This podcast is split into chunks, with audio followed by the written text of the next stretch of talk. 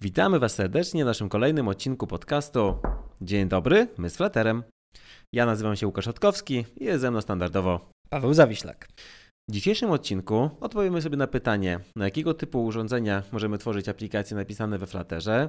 Także przyjrzymy się kilku case studies aplikacji już gotowych na rynku, a także Wydajności w stosunku do natywnych rozwiązań, Fluttera i nie tylko. W takim razie e, przejdźmy do pierwszego zagadnienia i powiedz nam Paweł, na jakiego typu urządzenia możemy tworzyć aplikacje napisane we Flutterze? No to jeśli chodzi o świat smartfonów, to mamy Android, iOS. Jeśli chodzi o świat webowy, to mamy przeglądarki. Ponadto urządzenie desktopowe oparte na systemach Windows, Linux, macOS oraz embedded device, czyli te urządzenia pozostałe typu telewizory i tak dalej. Jak widać, jest to bardzo elastyczne rozwiązanie. E, więc e, teraz może przejdźmy do tego drugiego tematu e, i opowiedzmy kilka przykładów życia wziętych, kilka aplikacji, które już istnieją na rynku i co byś mógł nam tutaj opowiedzieć w tym temacie. No to może zacznę od sektora finansów, od sektora bankowości. Tutaj na pewno na uwagę zasługuje firma Nubank. To jest największy bank cyfrowy poza Azją, posiada ponad 48 milionów użytkowników. I oni zdecydowali się na Fluttera, ponieważ mieli deficyt em, lokalnie deweloperów natywnych. I stwierdzili, że jeśli jest ich mało na rynku, no to może warto byśmy weszli w coś, co pozwoli nam tworzyć zarówno na jedną, jak i na drugą platformę. Tutaj myślę o Androidzie i iOSie. Też stworzyli bardzo ciekawy raport, który opisuje, jak przebiegała cała ścieżka decyzyjna, jakie technologie porównywali, mm, z czym się mierzyli, mierzy, mierzyły zespoły.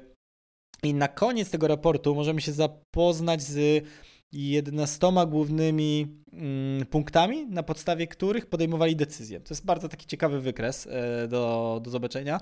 I między innymi jednym z punktów było doświadczenie programistów, e, jak, jakie, jakie powstawało, jakie pojawiało się podczas programowania na poszczególne platformy, e, długoterminowość, rentowność platformy, mamy tutaj też ryzy- ryzyko abstrakcji nieleniowe i z tego raportu możemy zobaczyć, możemy wyciągnąć dla siebie też, co może być fajne, co może być niefajne w poszczególnych technologiach i no, zamykając e, opowieść o firmie o Nubank, no to tutaj Flutter jednak mm, zdecydowanie przypadł im najbardziej do gustu.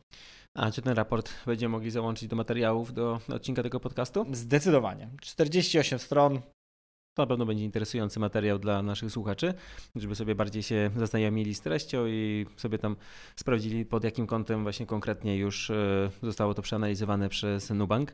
E, Co ciekawe, bo mm, skoro już ogólnie sektor bankowy, e, no tutaj akurat mamy przykład jednej aplikacji, pewnie jest może trochę więcej się znalazłoby, to skoro sektor bankowy wchodzi ogólnie w rozwiązania takie nowe, jaki, jakim jest Flutter, to to musi oznaczać, że to raczej jest bezpieczne rozwiązanie i możemy polegać na nim, e, co chodzi o różnego rodzaju transakcje e, bankowe e, i inne operacje, które wykonujemy w tym sektorze. Kolejną ciekawą aplikacją, jeśli chodzi o sektor bankowy i wspomniane bezpieczeństwo, jest sam Google i Google Pay.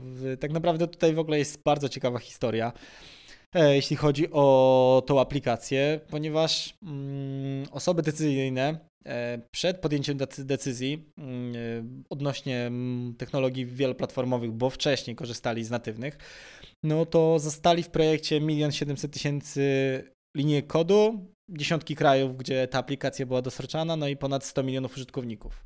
I tak naprawdę w sytuacji, e, kiedy zdecydowali się popatrzeć w ogóle w inną stronę niż technologie natywne, które dotychczas wykorzystywali, no to mm, takim czynnikiem było chęć ujednolicenia zespołu. Ze względu na to, że dwa zespoły pochłaniają dużo więcej energii, mm, trzeba rozprzestrzeniać wiedzę, dostarczać po prostu do tych zespołów niezależnie. Deweloperzy też trochę mieli problem z tym, że cały czas pojawiały się jakieś dziury, które trzeba było łatać, związane z, z API przy zmieniających się wersjach programowania. Zależało też na zwiększeniu wydajności mm, w postaci skrócenia czasu e, rozwoju i wdrażania rozwiązania oraz chcieli też zmniejszyć ilość potrzebnej pracy, takiego zaangażowania, czyli mówiąc tak bardziej od strony biznesowo-roboczo godziny. Z czym przyszło im się mierzyć? A mianowicie Dart to był też dla tych deweloperów nowy, nowy język, więc zdecydowanie musieli poznać i Darta i Fluttera, o którym zresztą też rozmawialiśmy jako jako, jako zagrożenie. Jako słaba też strona. Mhm. E, kwestia tego, że potrzebowali przepisywać aplikacje, bo jak zdecydowali się na tym, że może zrobimy coś w wieloplatformowym wymiarze, no to e, jednak mamy cały czas natywne i nie możemy sobie pozwolić na to, żeby aby nagle aplikacja stanęła i powiem użytkownikom, no to drodzy użytkownicy sobie chwilę poczekacie, wrócimy, no bo to wiadomo, nie będzie działać. A ponadto potrzebowali gonić króliczka, czyli nie dość, że przepisywali funkcjonalności, które już istnieją, to cały czas na natywne rozwiązania dotychczasowe powstawały nowe funkcjonalności, więc oni potrzebowali jeszcze cały czas mieć na uwadze to, że te produkty coraz szybciej się rozwijają, w sensie rozwijają się. No i ponadto bezpieczeństwo. Czyli czy certyfikaty, które są bardzo ważne w kwestii zaufania użytkownika, na dotychczasowych rozwiązaniach które są dobrze znane, no nie było to problematyczne. A tutaj było trochę niewiadomą, czy to po prostu zwyczajnie dowiezie nam rozwiązanie. I mm, opowiedzieli trochę o przebiegu procesu, który który przebyli, a mianowicie na samym starcie, jak się zdecydowali popatrzeć w stronę mm, technologii wieloplatformowych, to wzięli trzech doświadczonych deweloperów i poprosili ich o stworzenie takiego podstawowego proof of concept i zobaczenie tego, czy Flutter w ogóle im się spodoba, czy, czy to, co stworzą, będzie miało w ogóle ręce i nogi. Następnie oddali taką wersję i była akceptacja, że możemy pójść dalej. Więc dostali trochę większy zespół i stworzyli trochę widgetów, aby mogli tworzyć, tworząc aplikację, budować trochę jak z klocków, przygotowanych już widgetów, żeby było im łatwiej. I tutaj też zbierali feedback odnośnie tego, jak się pracuje w danej, danej technologii. E, I tutaj też jest zielona lampka, więc poszli dalej. Tu pojawił się już e, zespół 50 inżynierów i 6 miesięcy na to, żeby pojawiła się wersja beta. I tylko zaznaczmy, że wśród tych deweloperów były osoby, które miały również szkolenie z tego, że żeby się wdrożyć w ogóle z tą technologią, zapoznać i zacząć cokolwiek pisać. Więc stosunkowo 6 miesięcy na to, jak masz zespół, który potrzebuje się jeszcze nauczyć danej technologii, to jest dosyć krótki czas. No i po tych 6 miesiącach okazało się, że jednak ta aplikacja funkcjonuje. No to jeśli mamy aplikację, która działa, to trzeba zrobić ten krok i idźmy w takim razie na rynek. Więc tutaj pomachał ładnie Singapur i ta wersja pojawiła się beta w Singapurze. E, I fajnie, bo ona dowiozła. Jak wcześniejsze kroki dowoziły, tak i w tym momencie zobaczyli, że tak naprawdę to daje, daje radę i można po prostu na tym zwyczajnie polegać. No i już kolejna implementacja pojawiła się w dwóch bardzo dużych krajach, mianowicie w USA i w Indiach, gdzie jest masę grono, grono bardzo szerokie odbiorców, szczególnie z tego względu, że USA no to Google, no więc tutaj na tym zależało, żeby to zaufanie w tych krajach dalej było na takim samym poziomie, jakim jest dotychczas. No i tutaj też jak najbardziej było wszystko ok. Google Pay jest świetnym przykładem e, zastosowania tej technologii, e, ponieważ to jest bardzo duża aplikacja i używana przez wielu użytkowników. E, a co tam masz jeszcze mm, w zanadrzu? Jakiego typu aplikacje? To zapytam z innej strony. Łukaszu, czym ty jeździsz? A z Kodą. A z Kodą. Jak jeździsz z Kodą, to nie korzystasz z aplikacji My BMW, bo jakbyś jeździł BMW, to zdecydowanie miałbyś tą aplikację i to jest myślę kolejny przykład, o którym warto wspomnieć. Mhm. Mianowicie sama marka zdecydowała się na wybranie technologii wieloplatformowej ze względu na to, że chcieli poszerzyć swój rynek odbiorców. Dotychczas tylko i wyłącznie skupiali się na właścicielach ugryzionego jabłka w kwestii smartfonów, a stwierdzili, że jeszcze Android to może też będzie całkiem taka już nie nisza, tylko spory rynek, którym można śmiało zagospodarować. Drugą sprawą, która kierowała mm, przy wyborze technologii wieloplatformowych, no to standardowo, dobrze nam znane, ograniczenie kosztów. E, I tutaj cała historia zaczyna się od tego, że oni nie tylko zdecydowali się na zmianę aplikacji mm, dla samochodów, dla odbiorców samochodów mini, ale dla całej marki, czyli Mini i BMW. I główne cele, jakie przyświecały, mm, to zdecydowanie dużo szybsze wypuszczanie mm, rozwiązań, niezależnie od platformy, regionu czy języka w tym samym czasie. Ponadto chcieli, aby rozwiązanie, na które się zdecydują, było przyjemne dla samych programistów, aby też można było łatwo skalować pod względem deweloperskim, żeby też wydajność była na odpowiednim e, poziomie, oraz oczywiście C i CD. Ponadto potrzebowali sprostać temu y, wyzwaniu, które opiera się na tym, że mają 45 krajów, mają, mają odbiorców w 45 krajach i tutaj ta szybkość, spójność dostarczania, niezależnie w którym miejscu użytkownik, odbiorca znajduje się, to coś, co było takim jednym z głównych y, celi. Ponadto, oczywiście, jeśli mamy jeden zespół, no to tak naprawdę mamy tutaj dużo szybsze rozpowszechnianie się informacji o, i tak naprawdę wiele, wiele innych czynników, o których już zresztą w wcześniejszych odcinkach rozmawialiśmy. Także to jest coś, co ci mija, jak jeździsz nie BMW. A masz może jakieś takie insiderskie info, czy będzie MySkoda? z chęcią bym wykorzystał, a nie, zmienia, nie zmieniając samochodu. Myślę, że potrzebujemy wysłać do kilku osób maila. to będę czekać na tą aplikację. E, a dobrze, to powiedzieliśmy sobie jakiś taki jeden przykład z sektora bankowego, e, jeden z finansowego. E, tutaj teraz mamy taki sektor użytkowy, że tak powiem, automotive. A czy może jest coś bardziej z branży rozrywkowej? No to jeśli ty jesteś graczem, to na pewno nie jest ci obce rozszerzanie rzeczywistości. No. No i tutaj przychodzę do ciebie z taką aplikacją, która nazywa się Wallis and Gromit, y, właśnie AR. I ona opiera się na wspomnianej mm, rozszerzonej rzeczywistości. I tutaj twórcom zależało na tym, aby w innowacyjny sposób e, poprzez storytell mm, opowiedzieć historię. Po prostu dobry storytelling, żeby było dobre doświadczenie odbiorców aplikacji.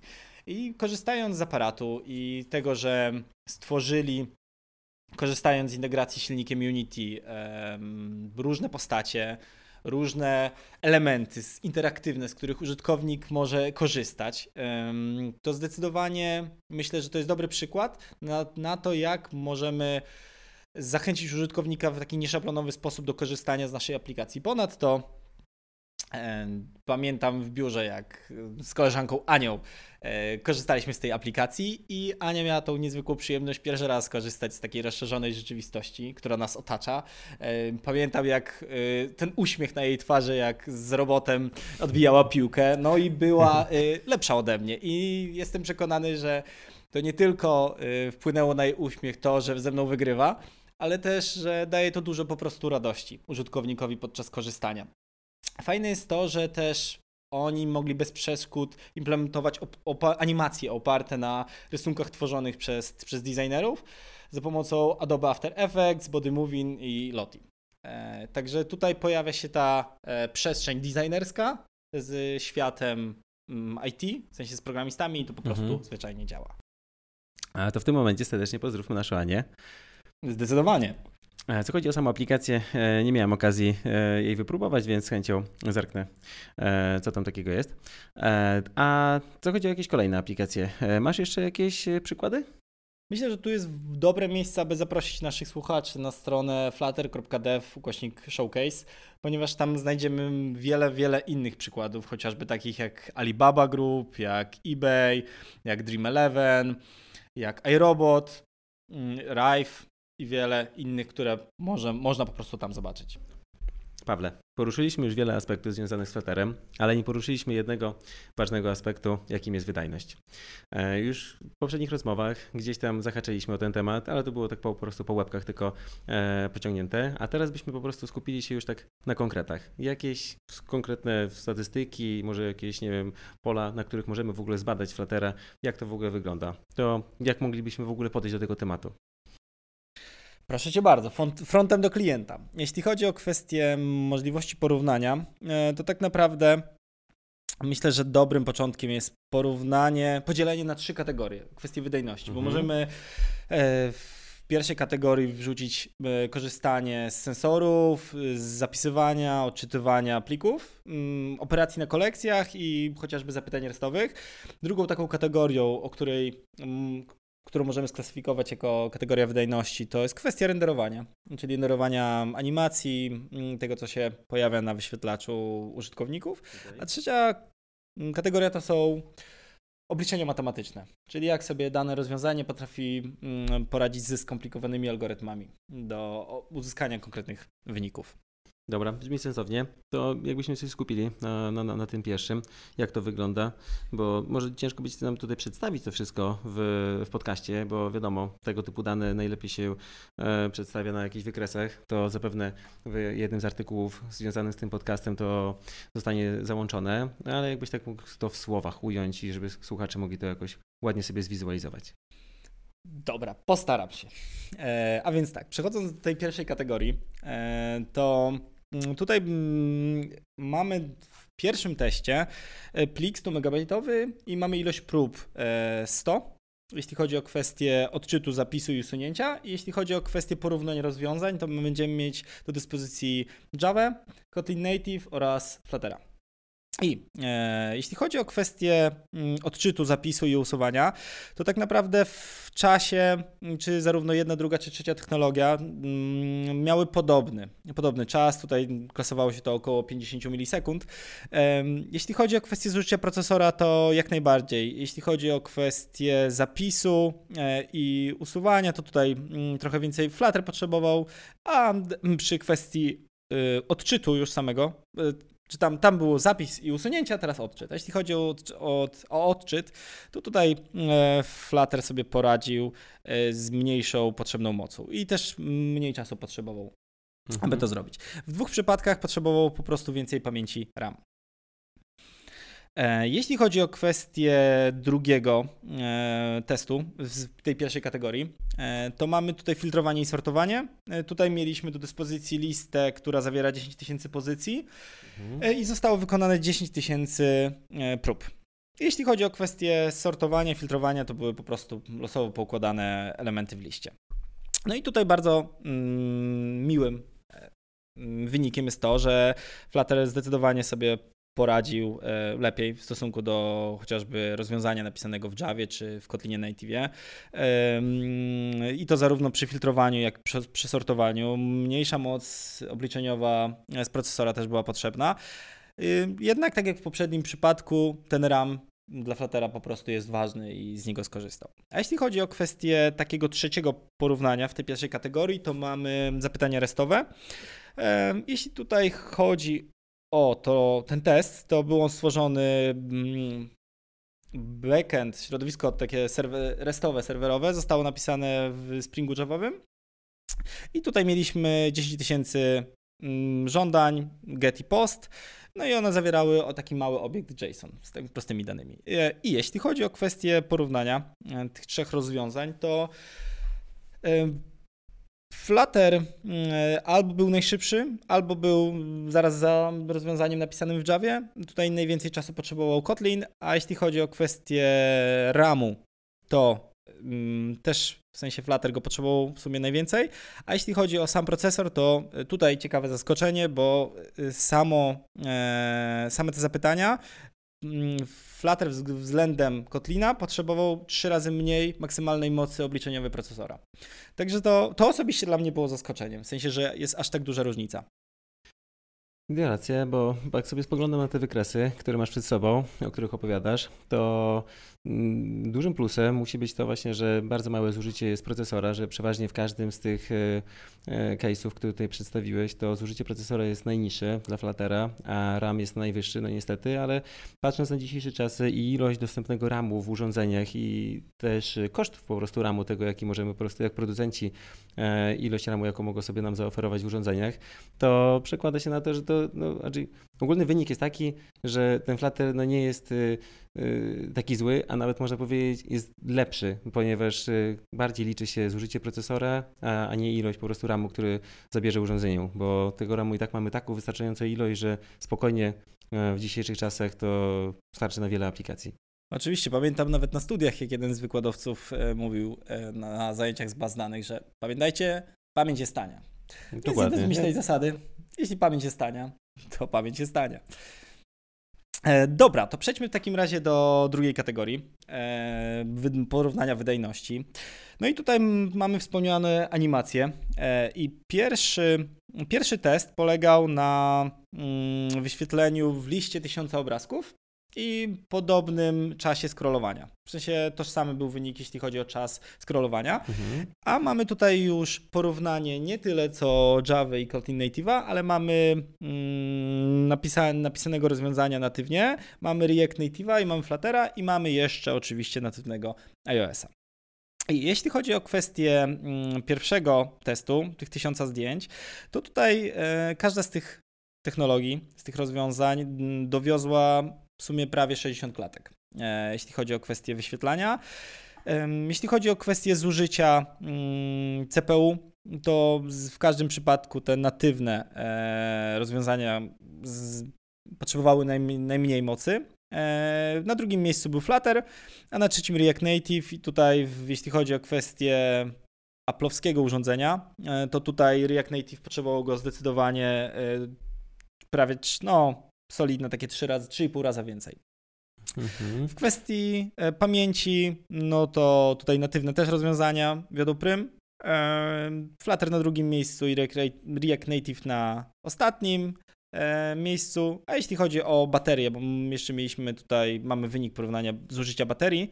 Właśnie chciałem to poruszyć, ten temat. Mhm. A widzisz, miliampera godzin, to w tym przypadku natywny Android e, zużył najmniej, później Flutter, jak, jak w sumie w każdym porównaniu do React, React Native najwięcej. I patrząc, to bardziej Flutter jest zbliżony do technologii natywnych niż, niż tych innych multiplatformowych frameworków, które mamy dostępne na rynku, ponieważ e, no, Flutter ogólnie jest zaliczany do multiplatformowych, ale on patrząc po wykresach jest prawie że jeden do jednego jak natywna technologia, więc bardzo dobrze się tutaj sprawdza, Dokładnie, to jest na pewno niewątpliwa zaleta tego, że jest kompilowany do kodu natywnego, więc tak naprawdę to też mm, przekłada nam się mhm. na, na, na możliwości. A jeśli chodzi o trzeci wniosek, e, trzeci test i w sumie trzeci wniosek w tej kategorii, e, to mieliśmy animacje bardzo wymagające i złożone, e, które polegały na tym, że zostały dla Androida, iOS i React Native stworzone w, przy wykorzystaniu Lottie. A jeśli chodzi o kwestię Fluttera, to mm, tutaj te animacje zostały stworzone przy pomocy y, Flera. I tutaj akurat dla mnie to było zaskoczeniem, e, ponieważ e, o ile natywne rozwiązania te klatki miały na takim akceptowalnym poziomie 30, w okolicach 30 klatek, to e, React Native w sumie też, też koło 30, to w tym przypadku Flutter miał w sumie jedną trzecią tych klatek. Mhm. Jednak jak e, sami autorzy mm, tego testu zaznaczają, że usunięcie jednej animacji, e, takiej specyficznej, spowodował to, że Flutter o 40% więcej tych klatek zaczął generować. No i tutaj właśnie pytanie, czy Lottie w stosunku do Flera nie jest po prostu cięższym rozwiązaniem i może po prostu inaczej zoptymalizowanym pod daną specyfikę platformy. Może tak być. E, więc jakby to jest w ogóle też ciekawy case na przyszłość, żeby zrobić takie rozwiązanie, po prostu przetestować na przykład na, na jednym mm, dostarczycielu animacji. Mhm. Przeważnie zawsze gdzieś tam słysząc o Flutterze e, i czytając różnego rodzaju artykuły, to właśnie Google się zawsze tym chwalił, że Flutter jest bardzo wydajny pod kątem ilości klatek na sekundę i animacji, płynności i responsywności ogólnie GUI, więc e, to faktycznie to mnie bardzo zaskoczyła tutaj ta, ta liczba klatek, taka niska w porównaniu z tymi tu innymi porówne rozwiązaniami, które porównujemy. Więc y, faktycznie może tak jak mówisz, to jest związane z tym, że Lotti i, i Flair po prostu gdzieś tutaj to jest różnica i może to z tego wynika. Może też być, w tym jakby przeszkoda to, że po prostu samo kwestia implementacji rozwiązania y, we Flair może być po prostu nie na tyle dobrze dostosowana, mm -hmm. że, mhm. że, powoduje to, ponieważ, no tak jak trafnie zauważyłeś, rzeczywiście te, te animacje można tworzyć i po prostu to ładnie się prezentuje i też tak jak mówiliśmy, czy w 60 Hz, czy w 120, e, więc myślę, że po prostu taki test kiedyś w przyszłości e, fajnie by było po prostu mm, e, zrobić.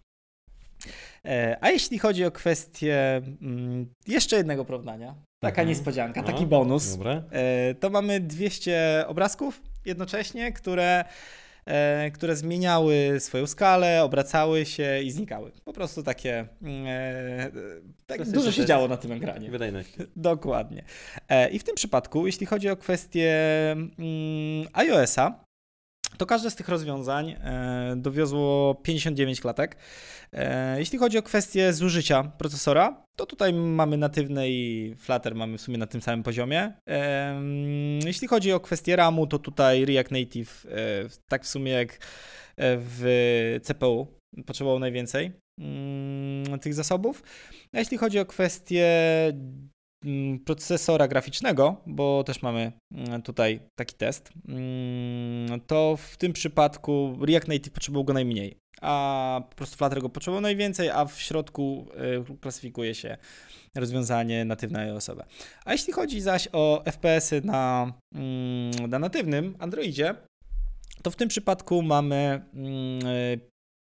58 mm, mm, klatek po stronie Androida, 19 e, po stronie Fluttera i React Native 7 e, tych klatek. I co jest ciekawe, e, mimo mniejszej ilości klatek, prawie 3 razy po stronie React Native'a, to potrzebował on w sumie ponad 3 razy więcej pamięci RAM.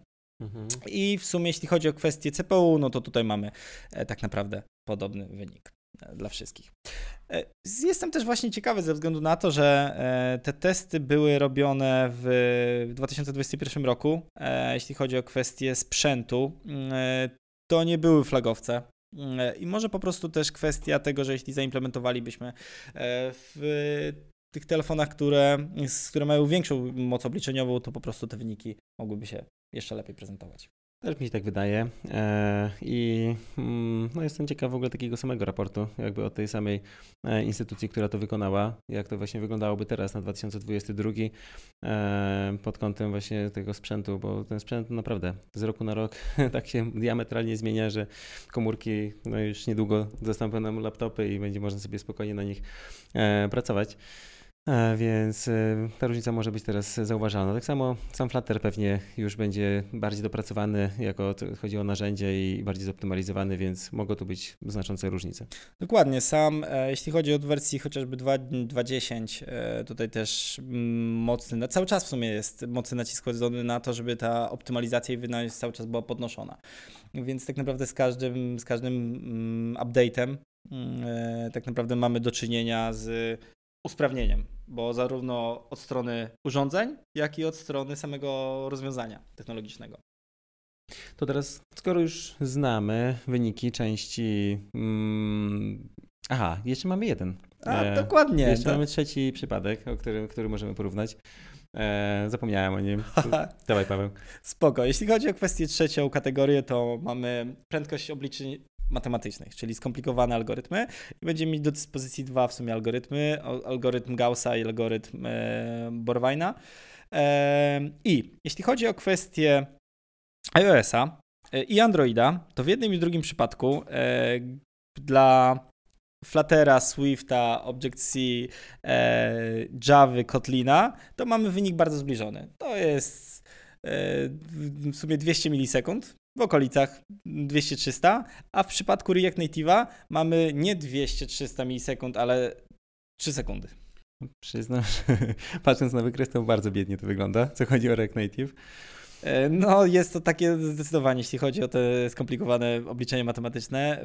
A jeśli chodzi o kwestię algorytmu Borweina, to my mamy również podobne wyniki e, między Swift i Object-C a Kotlinem Java. Trochę więcej tych milisekund potrzebował e, Flutter. Mniej więcej około 100-200. A jeśli chodzi o samego React Native'a, no to on potrzebował ich albo prawie 600, albo mm, prawie 800, w zależności od mm, platformy. Więc tutaj też jest taki widoczny, widoczny rozjazd, jeśli chodzi o potrzebną, e, potrzebny czas, żeby to poobliczać. Dobrze. E, to teraz, skoro mamy już taki pogląd e, w tych kilku kategoriach, e, jak to się plasuje właśnie Flutter na tle innych technologii, to tak jakbyśmy po sobie podsumowali, tak jednym zdaniem jakbyś powiedział w ogóle Paweł, czy Flutter jakoś mocno odstaje od tych technologii natywnych albo tych innych multiplatformowych, czy, czy to tak bardzo zbliżony, a nawet może i lepiej wypada? Jak mogliśmy zobaczyć i usłyszeć, to tak naprawdę ta moc potrzebna czy czas jest bardzo porównywalna do rozwiązań natywnych. E, I tak naprawdę myślę, że oprócz tego testu z klatkami, gdzie tam rzeczywiście miał trochę ich mniej, mhm. to myślę, że tak naprawdę uwzględniając te poprawki, nad którymi pracuje cały zespół deweloperski Google'a i też to, że po prostu mamy tu urządzenia lepsze, to myślę, że tak naprawdę to zdecydowanie jest dobre rozwiązanie. Chociażby no, liczby mówią same za siebie. Mhm. A patrząc pod kątem już takim nie cyferek i wykresów, które po prostu tutaj widzimy albo w różnych raportach, tak y, z punktu widzenia już użytkowego. Jak tobie w ogóle się pracuje z Flutterem i czy ty w ogóle zauważyłeś jakieś takie diametralne różnice, że nie wiem, gdzieś po prostu aplikacja albo nie wyrabiała, po prostu klatki po prostu były bardzo jakoś nisko e, i, nie było tych 60 pełnych FPS-ów. E, czy, czy w ogóle takie coś w ogóle miało, miało miejsce w, twoich, w twoim życiu?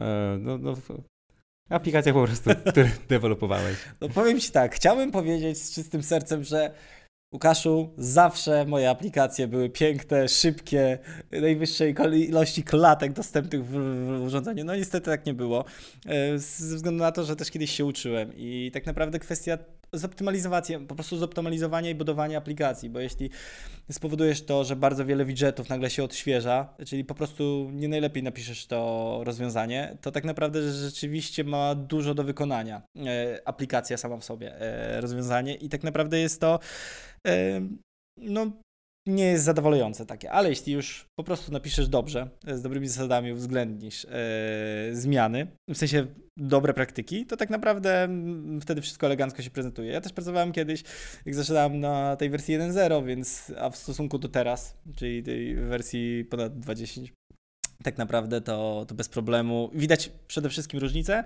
no i te, też e, więcej wybacza Flutter w tym mhm. momencie niż, niż wcześniej.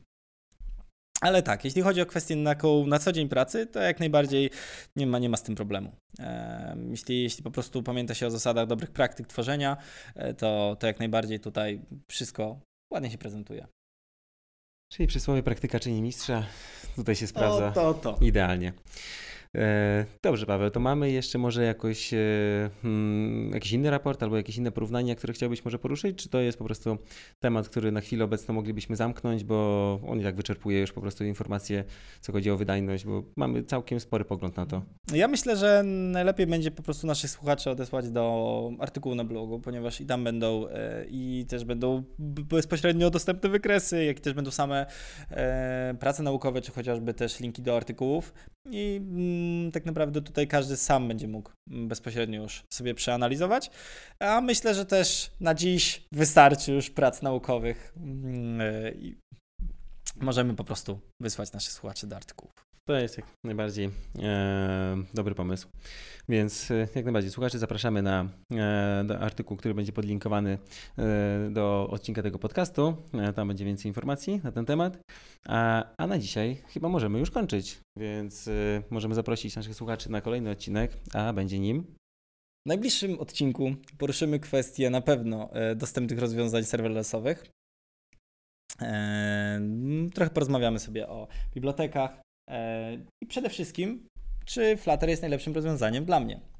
Dokładnie. To będzie bardzo dobry temat, ponieważ każda firma, która chciałaby się zapoznać z Flutterem, ruszyć w ogóle w tym kierunku tego rozwiązania, to tutaj będzie mogła odnaleźć wiele interesujących, ciekawych odpowiedzi na, na tę odpowiedź. Czy to właśnie dobry kierunek, czy raczej może zostać przy tym, czym aktualnie się zajmuje i, i pozostać przy tych technologiach, e, które już dobrze zna.